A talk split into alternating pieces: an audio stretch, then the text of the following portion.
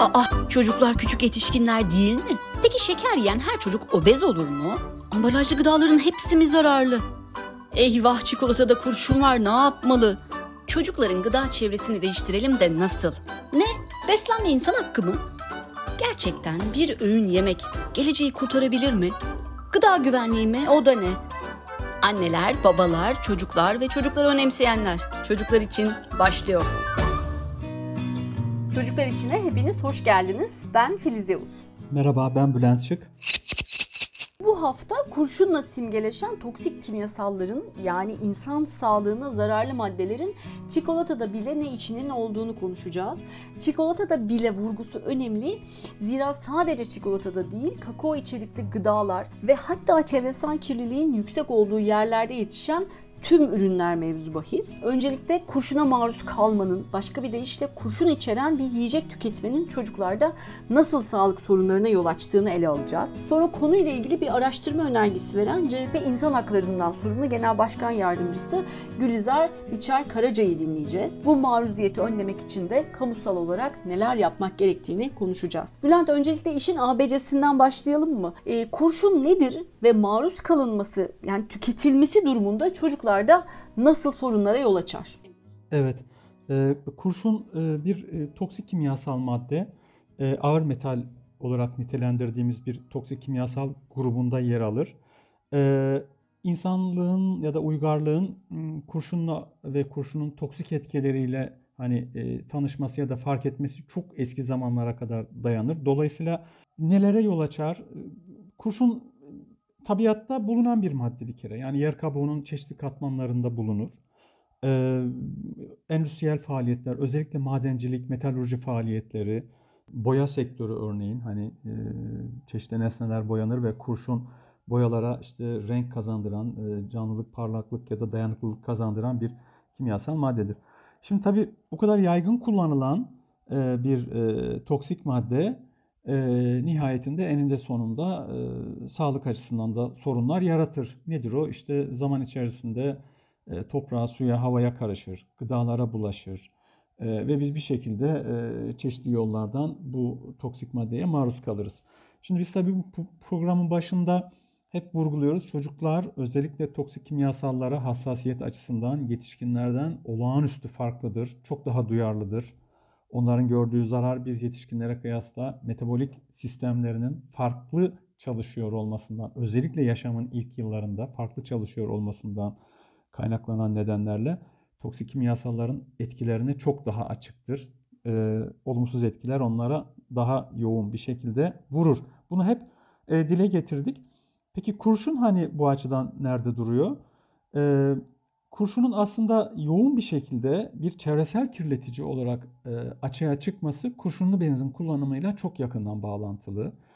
İşte 1920'li 30'lu yıllarda başlayan bundan aşağı yukarı e, 20 yıl öncesine kadar uzanan süreçte çok yoğun bir kullanım söz konusu kurşunlu benzinin ve kurşun e, bir şekilde gerek atmosferdeki kirlilik etkeni olarak gerekse e, kurşunlu benzinden e, egzoz gazlarından çıkıp toprağa, suya, havaya ve dolayısıyla hani gıdalara bulaşıp insan bedenine girmesi e, suretiyle çok ciddi bir toksik kirletici olarak nitelendi ve bununla ilgili de çok uzun yıllar boyunca süre giden bir tartışma var. Yasaklansın tartışması var.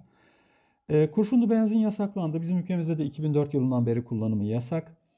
Ee, ama e, zaman içerisinde fark edildi ki evet kurşunlu benzin kullanımının ortadan kalkmasıyla birlikte dünya genelinde hemen hemen bütün ülkelerde diyebilirim ama hala kullanımın devam ettiği ülkeler de var. Ee, kan kurşun seviyesi yani bunun en önemli ölçütü kurşuna maruziyetin kanımızdaki e, kurşun miktarıdır. E, kan kurşun seviyesinin e, insanlarda azaldığı, bütün toplumlarda azaldığı gözlendi. Fakat yine de e, beklenen düzeyde bir düşme yani e, özellikle çocuklar için e, kurşundan kaynaklanabilecek sağlık sorunlarının önünü kesme anlamında e, kurşunlu benzinlerin kullanımının yasaklanmasının hani beklenildiği kadar büyük bir etki doğurmadığı da e, fark edildi. Şimdi burada mesele ne? E, kurşun e, anne karnında başlayan süreçte ve hayatın ilk yıllarında e, nörolojik gelişim üzerinde yani sinir sisteminin, beynin, e, bilişsel sistemimizin işte muhakeme, öğrenme becerisi vesaire vesaire gibi önemli bilişsel yeteneklerimizin e, sekteye uğramasına neden oluyor. Yani ne kadar çok kurşuna maruz kalırsa çocuklar işte hava, su, gıda vesaire yollardan e, bilişsel yeteneklerinde e, zeka ile ilgili hani e, işte akademik becerilerinde vesaire öğrenmelerinde, e, dikkatlerinde, konsantrasyonlarında gerileme gözleniyor. Şimdi bu bulgu çok net, çok kesin bir bulgudur, tartışmasız bir e, bulgudur. Dolayısıyla Dünya Sağlık Örgütü e, sürekli e, çocukların kurşuna maruz kalmasını engelleyecek kamusal sağlık programlarının uygulanmasını şart koşuyor. Yani şart derken tavsiye ediyor elbette. İlle, ille de yapın gibi bir gücü yok. E, gerek Avrupa ülkelerinde, gerek Japonya'da, gerek Amerika bir, bir sürü ülkede hem çocukların kan kurşun seviyesi düzenli olarak izlenir. E, neden? E, biz bir takım önlemler almak durumundayız ve o önlemler neticesinde de e, çocuklarda bu işin işe yarayıp yaramadığını görmek için e, çocukların kanında ne kadar kurşun var ona bakılır. Şimdi bu nasıl yapılıyor? Basit bir parmak testiyle yapılıyor. Mesela bu e, çeşitli ülkelerde parmaktan alınan küçük bir miktar kanla fazla acı vermeden e, bir kaba test yapılıyor. Eğer o kaba test bir risk olduğunu gösteriyorsa e, daha detaylı bir inceleme için çocuklar takibe alınıyor. Özellikle çevresel kirliliğin yoğun olduğu, yani endüstriyel faaliyetlerin yoğun, atıkların yoğun olduğu, madencilik vesaire faaliyetlerin yoğun olduğu yerlerde ve e, bu iş kollarında çalışan ebeveynler varsa onların hani e, çocuklarında e, kan kurşun seviyeleri nüfusun genel ortalamasından daha yüksek çıkıyor. E, ve bu çocukların e, büyüme süreci, sağlıklı büyüme süreci çok ciddi bir şekilde sekteye uğramış veya gerilemiş oluyor. Bu bulgu çok açıktır. E, iyi tarafı şu, kurşunlu e, bileşiklerin maruziyetini azaltabilirsek zararı da ortadan kaldırmış oluyoruz. Yani... Japonya'da, Avrupa ve Amerika'daki pek çok ülkede e, çocukların kan kurşun seviyesinin düzenli olarak izlendiğini söyledin. E, yani Türkiye'de çocukların takip edildiği böylesi bir çalışma yok. Doğru mudur? Evet. Ne yazık ki ülkemizde de böyle bir çalışma yok. E, programın başında da vurguladık. Tekrar vurgulayalım. Çikolatada bile diyoruz. Çünkü mesele sadece çikolata değil. Evet. Kakaoyu tabii sadece çikolatada düşünmeyelim. Çocukların tükettiği çok çeşitli ürün yelpazesi var. Büyük bir çeşitlilik arz eden bir ürün çeşitliliği var ve orada e, hani kurşun maruziyeti genel olarak fazla olabilir. Yani kakao çocukların kurşuna maruz kalmasına yol açan e, ürün gruplarından biri olabilir. Türkiye'de bu tartışma esasen senin Biyanet'teki yazınla başladı. Ee, sen test ettirdiğin bir bitter çikolata örneğinde yüksek dozda kurşuna rastladığını yazdın ve ortada bir tehlike olma olasılığından söz ettin. Öncelikle şunu merak ediyorum. E, piyasadan bir gün kakao oranı yüksek bir çikolata alayım da ben bunu bir laboratuvara göndereyim bakayım e, ne çıkacak demedin sanıyorum değil mi? Yani Türkiye'ye ithal edilen kakao çekirdeklerinin içinde de kurşun olabileceği şüphesine sen nasıl kapıldın? Türkiye'de medyada da yer alan bir haber çıkmıştı. İşte Amerika'da çeşitli çikolata markaları e, kontrol edildi. Kurşun kadmiyum çıktı diye. Kadmiyum da bir başka ağır metal ve o da çok toksik bir kimyasal maddedir. Yani ben 3 yıldır bu işte kurşun, işte çevresel maruziyetler, bunların çocuklardaki sorun, yol açtığı sorunlar ve onun önüne nasıl geçeriz? Yani bu meseleleri biraz e, araştırıyorum. Onu e, anlamaya çabalıyorum. E, şimdi kakaoda kurşun bulaştığını biliyorum. Kakaoya kurşun bulaştığını biliyordum dedin. E, bize de anlatır mısın nasıl bulaşıyor kakaoya kurşun ve kadmiyum? Çeşitli metalurji faaliyetleri, madencilik faaliyetleri, atıklar yani toprağa, suya, havaya karışır. Kurşun bir element nihayetinde. E, zaman içerisinde toprağın üst katmanlarına çöker ve e, mesela rüzgarla taşınır. Şimdi tabi bunu böyle dediğimde bir felaket senaryosu gibi e, çizmek istemem. Tabii ki çevresel kirliliğin yoğun olduğu yerlerde bu maruziyet daha fazla olur. E, şimdi mesela kakao çekirdekleri toplanır, e, kurutulur. Bir fermentasyon süreci vardır orada. O esnada rüzgar, toz dış çekirdek kabuklarına yapışır, bulaşır ve kurşun varsa onlar da bir şekilde kakao çekirdeğine geçer. Kadmiyum da e, doğrudan kakao bitkisi topraktan alır e, kadmiyumu. Şimdi bunlar biraz e, inceliyordum ben. Sonra bu, bu yayını görünce dedim ki acaba hani Türkiye nereden alıyor hani kakaoyu? Nereden getiriyor? Bizim ülkemizde yetişen bir şey değil kakao. Çok belli bölgelerde yetişir dünyada sadece.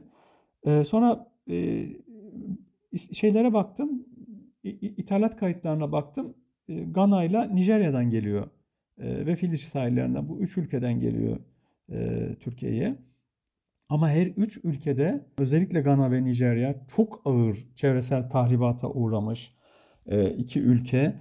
E, örneğin e, Dünya Sağlık Örgütü'nün kayıtlarına baktım. E, Nijerya'da e, kurşuna bağlı akut yani çok yüksek miktarda kurşuna maruz kalmak e, sonucunda e, gerçekleşen çocuk ölümleri var. Salgın şeklinde gözlem. Şimdi böyle olunca bir durdum. Dedim ki yani biz buradan ithal ediyorsak o zaman bizim e, ülkemizdeki kakao içeren ürünlerde de var.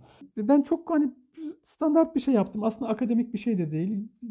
Bir, bir yüksek miktarda kakao içeren bir kurşun e, var mı yok mu diye analiz ettim işte bir çikolatayı. Oradan hani bunu yazdığımda hani tek üründen e, bir şey olmaz ama bir, bir problem var yani nihayetinde.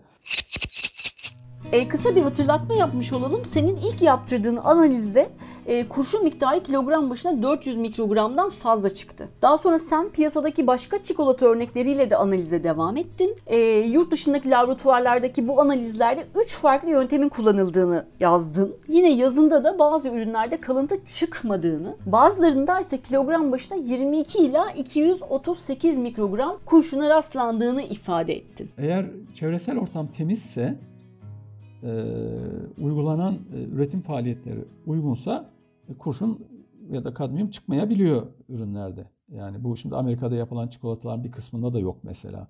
Fakat burada mesele şu, e, arka planda işleyen bir gerçekten ince bir sömürü mekanizması var. Bu Orta Afrika ülkeleri için de öyle.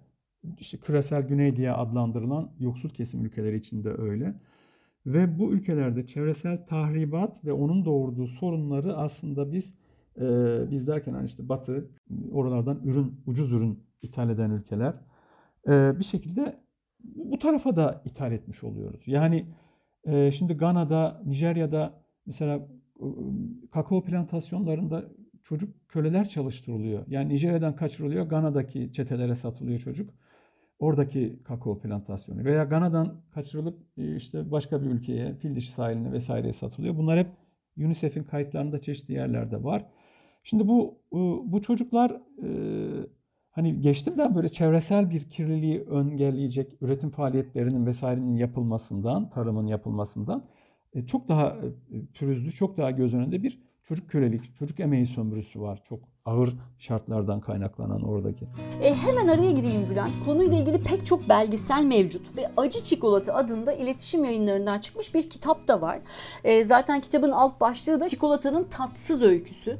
Tam da senin söz ettiğin gibi tarihsel olarak çikolata imalatında bu çocuk kölelerin çalıştırılmasını anlatıyor kitap. Orada şöyle bir bölüm var. Çikolatanın öyküsü hakkaniyetin ne olduğu ile çok yakından ilgilidir.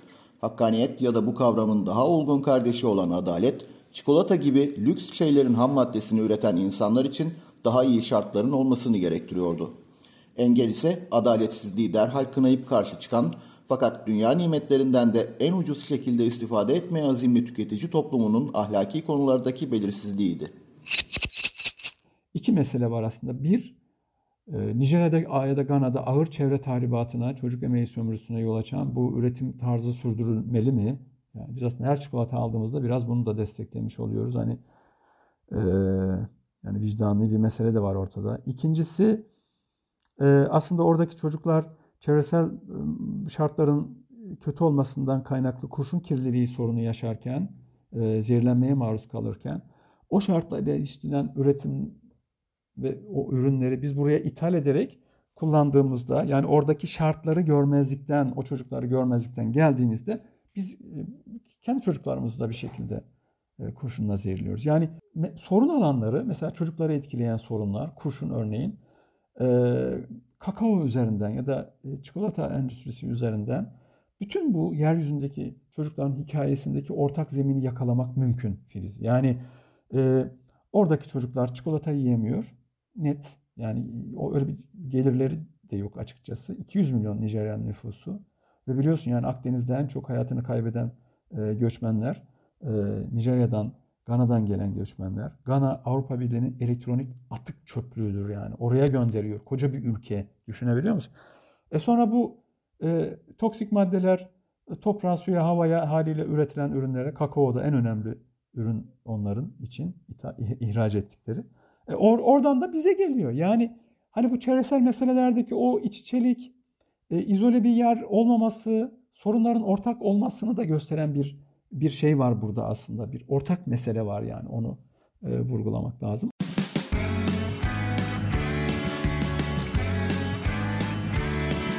Kulağınız bizde olsun. Kısa Dalga Podcast. Şöyle bir örnek vereceğim. Şimdi radyasyon için günlük kabul edilebilir bir miktardan söz edilir nükleer enerji savunucuları tarafından. Ve eğer maruz kalınan doz e, bu miktarın altındaysa endişe edilmemesi gerektiği söylenir. Ancak e, nükleer karşıtı mücadele içindeki halk sağlıkçısı hocalar e, bunun gerçeği yansıtmadığını, radyasyonda kabul edilebilir bir sınırın olmadığını vurgularlar. Şimdi ben iki şey merak ediyorum. Kurşunda da benzer bir kabul edilebilir bir e, doz ya da maruziyet sınırından söz edilebilir mi? E, ve eğer varsa bu kabulün dışında e, çocuklar için aslında kabul edilebilir bir sınır yoktur diyebilir miyiz? Net bir şekilde yoktur. E, bu konuda e, literatüre baktığımızda mesela son 30 yılın literatürünü gözden geçirdiğimizde 30 e, yıl önce e, işte şu, şu eşik değer hani güvenilir deniliyor idi. 20 mikrogram, 25 mikrogram gibi. Şimdi bu eşik değerler 3,5 mikrogram ve altına düştü. Şimdi burada mesele şu eşik değer derken e, kurşunun e, zararsız olduğunu söyleyebileceğimiz bir doz yok. Aslında çoğu toksik kimyasal için bu böyle. Burada tabii akla şu gelecek ya kardeşim her dozu zararlıysa biz o zaman nasıl kendimizi koruyacağız? Yani bir şekilde bu çevresel kirletici olarak bu ortamda var. Tabii doğru. Yapılması gereken şey ve bu konudaki hani e, akademik görüş de odur. Olabildiğince azaltmaktır. Yani mümkünse sıfırlayın. Hedef o olabilir ama olabildiğince azaltmak çok kıymetli, çok önemli bir hedeftir. Şimdi Dünya Sağlık Örgütü e, çocuklarda kan kurşun seviyesinin 5 e, mikrogram değerinin altında olmasını söylüyor. Yani 5 mikrogram bir e, bir ölçü birimi yani mikrogram, işte gram, miligram, mikrogram diye epeyce küçük bir miktardan yani düşük bir miktardan söz ediyoruz.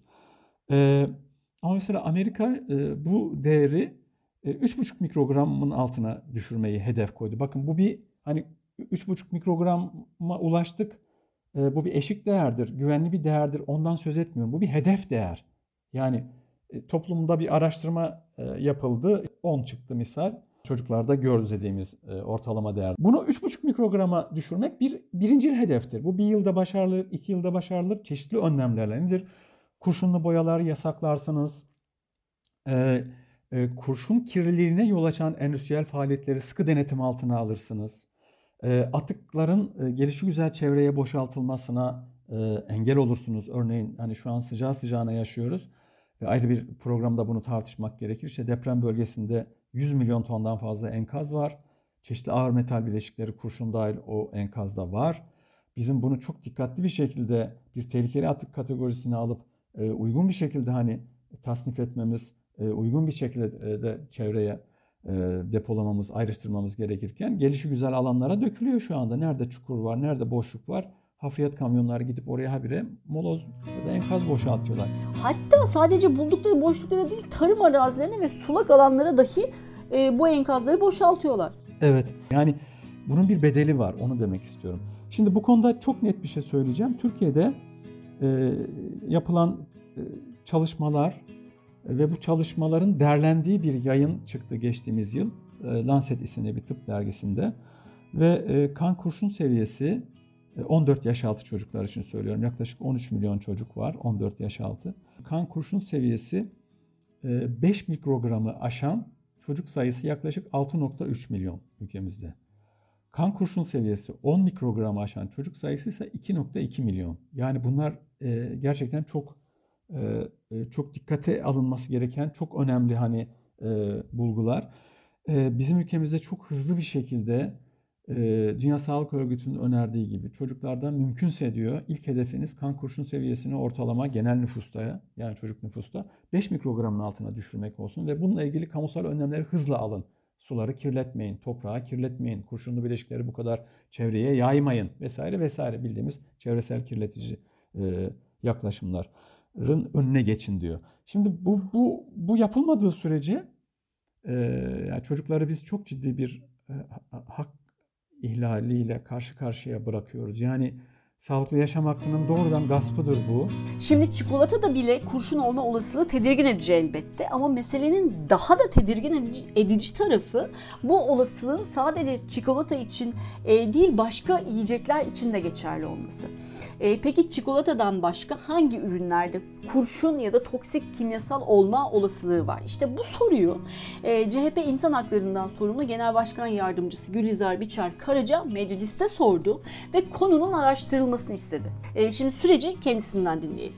Bülent Şık'ın bir yazısında bitter çikolata yapıda yapılan araştırmada ağır metallerin oranının yüksek olduğu ve sağlığa ciddi risk teşkil ettiğine ilişkin bir tespiti vardı. Bunun üzerine de Türkiye Büyük Millet Meclisi'nde e, İnsan Haklarından Sorumlu Genel Başkan Yardımcısı ve sorumlu bir milletvekili olarak e, çocukların özellikle tükettiği çikolata ve kakao içerikli ürünlerde bile bu kadar ağır e, miktarda insan sağlığına e, ciddi zararı olacak ağır metallerin bulunmuş olmasının e, ve bundan başka e, gıdalarda olup olmadığının araştırılması için bir araştırma komisyonu kurulmasını talep eden önergemizi sunduk. E, bizim için ve bütün e, sorumluluk sahibi yurttaşlar, e, sorumluluk sahibi karar mekanizmasındaki temsilciler için vatandaşların güvenli gıdaya erişimi en temel hak olduğu ve bu hakkın gereğinin de sosyal devlet tarafından yerine getirilmesinin anayasal zorunluluk olduğunun altını çizmek isterim. Bu nedenle e, bitter çikolata dışında, kakao içerikli gıdalar dışında başka hangi gıdalarda ağır metallerin bulunduğunun tespiti ve kamuoyuyla şeffaf bir şekilde paylaşılmasının oldukça önemli olduğunu düşünüyoruz. Ve araştırma komisyonu kurulması talebimiz de buydu. E, halkın özellikle de çocukların güvenli gıdaya erişimi e, oldukça önemlidir ve bu nedenle anayasal temel bir hakkın gereğinin yerine getirilmesi de e, iktidarın e, anayasal görevidir.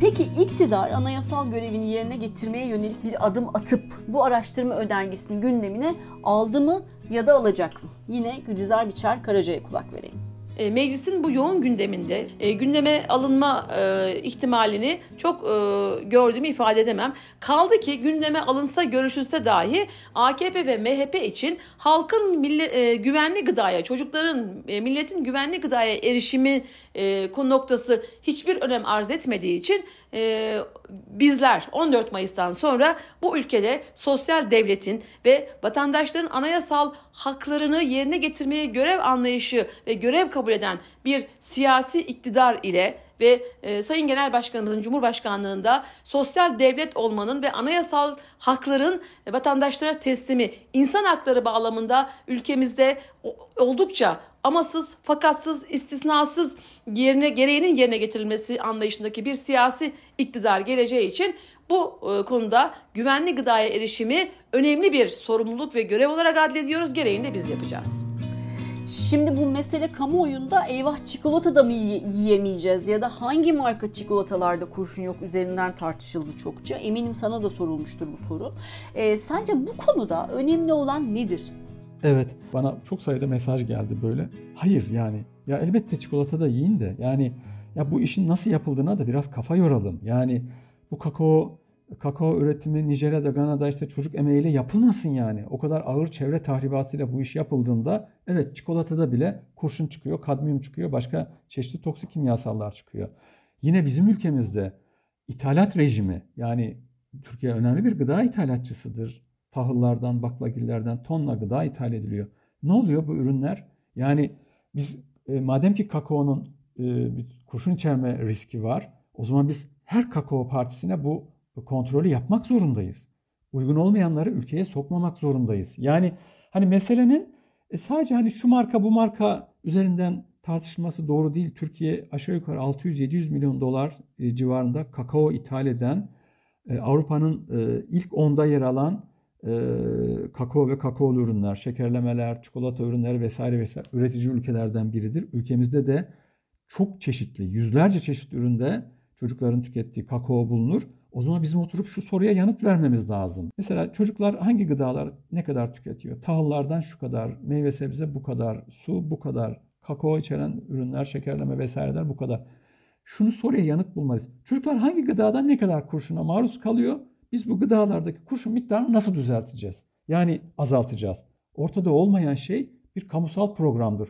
Bizim böyle bir programımız yok. Yani ne yiyeceğiz sorusu A markasını mı alalım, B markasını mı alalım böyle bir soru değil. Yani böyle baktığımız sürece biz oyalanırız. Dolayısıyla çocukları korumak istiyorsak sadece kendi çocuklarımız değil, genel olarak toplumdaki çocukların tamamı 6 milyondan fazla çocuk kurşun maruziyeti açısından problemli bir yerde duruyor. Biz mesela bunu mesele yapmayacağız mı toplum olarak? Nasıl düşü, düzelteceğiz bunu? Niye mesela Türkiye hala kurşunlu boya kullanımını yasaklamıyor? Dünyada e, iki ülke, her 100 ülkeden 60'ı kurşunlu boya kullanımına son verdi. Türkiye niye son vermiyor? Boya deyince sadece evdeki duvar boyalarını falan düşünmeyelim. Her nesne boyanıyor. Mesela hangi nesnede ne kadar kurşunlu pigment var biliyor muyuz? Bilmiyoruz. Ama mesela 5 yaş altı çocuklarda her nesneyi ağza götürme alışkanlığı bir bir tür içgüdüdür yani. Dokunur, tadına bakar vesaire vesaire. Yani biz bu maruziyet yollarını kesmek için kafa yormayacağız mı? Yani bizim bunlara bakmamız lazım. Ee, sorunları bireyselleştiren bir dilden uzak durmak lazım sorunları bireyselleştiren bir dilden uzak durup bu sorunun çözümünü e, kanun koyuculardan talep etmek gerektiğini bir kez daha vurgulayalım. Peki ama kamusal olarak bu sorunun çözümü için neler yapılmalı? Genel olarak bizim maruziyeti düşürmemiz lazım. Kurşun maruziyetini. Çeşitli ülkeler bu programları, koruyucu programları uyguluyorlar. Bizim ülkemizde de Sağlık Bakanlığı'nın e, Çevre ve Tarım Bakanlığı ile birlikte mutlak surette çocuklarda kurşun maruziyetini azaltmaya yönelik bir ulusal programı hızla devreye sokması gerekiyor. E, işte Sağlık Bakanlığı, Tarım Bakanlığı, Çevre Bakanlığı gibi kurumların e, bir genel kamusal bir ülke çapında uygulanan bir programda çocukların kan kurşun seviyelerini takip etmesi ve aldığı önlemlerin işe yarayıp yaramadığını da düzenli, periyodik olarak her yıl gözden geçirmesi gerekir. Hala çocukların çeşitli kirleticilere, diyet yoluyla ne kadar maruz kaldığını e, araştıran, net bir şekilde ortaya koyan ne Tarım Bakanlığı'nın ne Sağlık Bakanlığı'nın bir çalışması var. Biri gıdalarda yapmak zorunda bunu, biri sularda yapmak zorunda. Ortada böyle bir veri yok. Anlatabiliyor muyum? Dolayısıyla hani e, yapılması gereken çok iş var. Bizim de bunları yurttaş olarak talep etmemiz gerekiyor. Yani niye yapmıyorsun? Bunun hesabını sormak gerekiyor. E, sonuçta derdim hani insanları galeyana getirmek, e, üzmek, dertlendirmek değil yani çözümü olan bir meseleye çözüm bulmalıyız yani bu kadar. E, böyle bakıyorum. E ama yani ülkemizde böyle bir kamusal bakış yok. Yani ne yazık ki kamu bürokrasisinde bu, bu bakış açısı yok e, Filiz. Yapılması gereken şeylerden biri, öncelikli şeylerden biri e, kurşun gibi hani gerçekten çocuk sağlığı için çok tehdit oluşturan kimyasal maddelerin e, ne düzeyde olduğunu genel bir e, tarama ya da alan çalışmasıyla anlamak. Yani tahıllarda ne kadar var, baklagillerde ne kadar var vesaire vesaire. Bunu yapmak çok zor da değil. Bunu yaptıktan sonra da şunu yapmak durumundayız. Çocuklar mevcut beslenme rejimlerinde e, çeşitli yaş gruplarında, gelir gruplarında vesaireye bağlı olarak ne kadar kurşuna maruz kalıyor? Şimdi gıda kaynaklı bir maruziyeti çözdük, diyet kaynaklı, e, su da dahil buna. E, çok kirli bölgeler var ülkemizde mesela. Solunumla acaba ne kadar alıyor? Buna bakılabilir. Ondan sonra e, bir kirlilik haritası açığa çıkacaktır. Yani e, çeşitli yerlerden gelen gıdalar, hava, toprak vesaire, su bunların hepsi yapılması zorunlu analizler bize Türkiye'de kurşun açısından kirli bölgeleri gösterecektir. Biz o zaman oraya odaklanıp e, çok da tabii kuvvetle muhtemel o bölgede yaşayan çocukların kan, kan kurşun seviyeleri de yüksek çıkacaktır. Bu bir, bunların hepsi hani bir öngörü. Biz ondan sonra e, nasıl azaltacağımızı düşünürüz. Bunlar adım adım giden, birbirine bağlı faaliyetler ve çok zor işler değil. Bakın iddia ediyorum gene ben bu işleri yaptım yani Tarım Bakanlığı'nda. Tarım Bakanlığı'nın Türkiye genelinde gıdalarda e, ne düzeyde kurşun varı bütün bir yıl için araştırma yapacak muazzam bir birikimi, donanımı, personel yapısı vardır. Ortada olmayan şey siyasal iradedir. Yani yukarıdan birileri bunu yapın biz bu meseleyi çözmek istiyoruz irade derken Onu kastediyorum. O yok ortada. Ee, biz de bunu talep etmek zorundayız. Peki Bülent Türkiye'de mevzuatlarda besindeki kurşunun denetimine dair bir düzenleme yok mu? Elbette var. Yani çeşitli ürünlere getirilmiş sınırlamalar var. Çünkü biz e, çevresel kirleticilerden ne yaparsak yapalım bütünüyle kurtulamıyoruz. E, bu böyle bir şey ne yazık ki. E, ama azalt azaltıcı önlemler alabiliriz. Yani e, mesela topraktaki kurşun kirliliği yoğunsa veya sulara kurşun bulaştıysa e, biz bunun üstesinden nasıl geleceğimizi e, düşünürüz ve bir, bir takım hani yöntemlerle, uygulamalarla bu kirliliği azaltmak mümkün. Ama Türkiye'deki ahval o değil. Deprem bölgesindeki enkaz kaldırılıyor şu anda ve e, çeşitli kirleticiler var o çevresel kirletici etkenler var o enkazın içerisinde. Gelişi güzel yani e, tarım alanlarına dökülüyor. Yani böyle bir böyle bir hani kamu idaresi bu, bu sorunu çözemez. Dolayısıyla bu idareyi değiştirmek gerekiyor. Belki bu çözümdür mesela. Şu marka mı bu marka mı tüketelimden ziyade. Biz mümkünse e, çocukları korumak meselesini sadece kendi çocuğumuzla ilgili olmadığını fark edelim. Bakın çok kıymetli bir şey bu. Yani çocukları bir ortak müşterimiz. Yani bu toplumun e, nasıl diyeyim hani özenilmesi gereken en çok özenilmesi gereken kesimi olarak ya da e, bölümü, grubu neyse yani adını koyamıyorum e, olarak gören böyle bir bakış açısı yok. Türkiye'de çocuklar çok kıymetsiz. Yani biz çocuk sağlığını önemseyen bir ülke değiliz. Bakın kalın kalın altını çiziyorum bunun yani. Yani bizim çocukları senin de vurguladığın gibi gerçekten e, bir bir e, hak öznesi olarak görmemiz gerekiyor. Ama 6 yaşındaki bir çocuk bana kurşunsuz gıda verin diyebilecek bir iradeye sahip değil ya da o, o, o beceriye henüz gelmiş değil. O zaman bu görev bize düşüyor yetişkinlere. E, birinci sorumluluğu çocukların sağlıklı bir çevrede yaşamasını ve sağlıklı beslenmesini sağlamak. En önemli şey bu. Ve bunu sağladığımız ölçüde de gerçekten fark edeceğiz ki çocukların eğitim başarısı da artacak. Ee, daha sağlıklı bir nesilde gelecek. Daha iyi muhakeme yapan bir nesilde gelecek. Bunların hepsi birbiriyle bağlantılı sorunlar diyeyim ve bu sorunların çözümü var. Yani çözümü var. Lütfen bunu atlamayalım. Aslında sadece kurşundan söz etmiyoruz. Senin yaptırdığın analizlerde arsenik ve kadmiyum varlığı da söz konusuydu. Peki onlar için ne yapmak gerek? Çok net bir şey söyleyeyim. Mesela kurşunla ilgili alınabilecek önlemler çeşitli toksik kimyasalların da azalmasına yol açacaktır. Çocukların bünyesine girişlerinin azalmasına. Dolayısıyla hani kurşunu bir sembol olarak düşünebiliriz. Biz kurşun kirliliğini, çocuklara kurşun bulaşmasını engelleyecek kamusal bir program yürütürsek başka ağır metallerin bulaşmasının da önünü kesebiliriz. Hatta başka toksik kimyasalların da böyle bakmak e, mümkün. Dolayısıyla meseleyi anlamak için uygun bir semboldür sadece kurşun. Efendim bugün çikolatada bile çıkan kurşunu konuştuk ve bunun hem kakao plantasyonlarında çalıştırılan çocuklar hem de çikolatayı tüketen çocukların sağlığı üzerindeki etkilerini konuştuk. E, kurşun da çikolatada birer sembol dedik. Çocuklarımızın tükettiği gıdaların hepsinde toksik kimyasalların olma olasılığına değindik. E, ve maalesef bu olasılık hiç de düşük değil. Çözümse her zamanki gibi kamusal ve e, bu haftaki çocuklar içinin sonuna geldik efendim. Haftaya biz yine burada olacağız. Umuyoruz ki sizler de çocuklar için burada olursunuz. Şimdilik hoşça kalın, umutla kalın. Hoşça kalın, umutla kalın.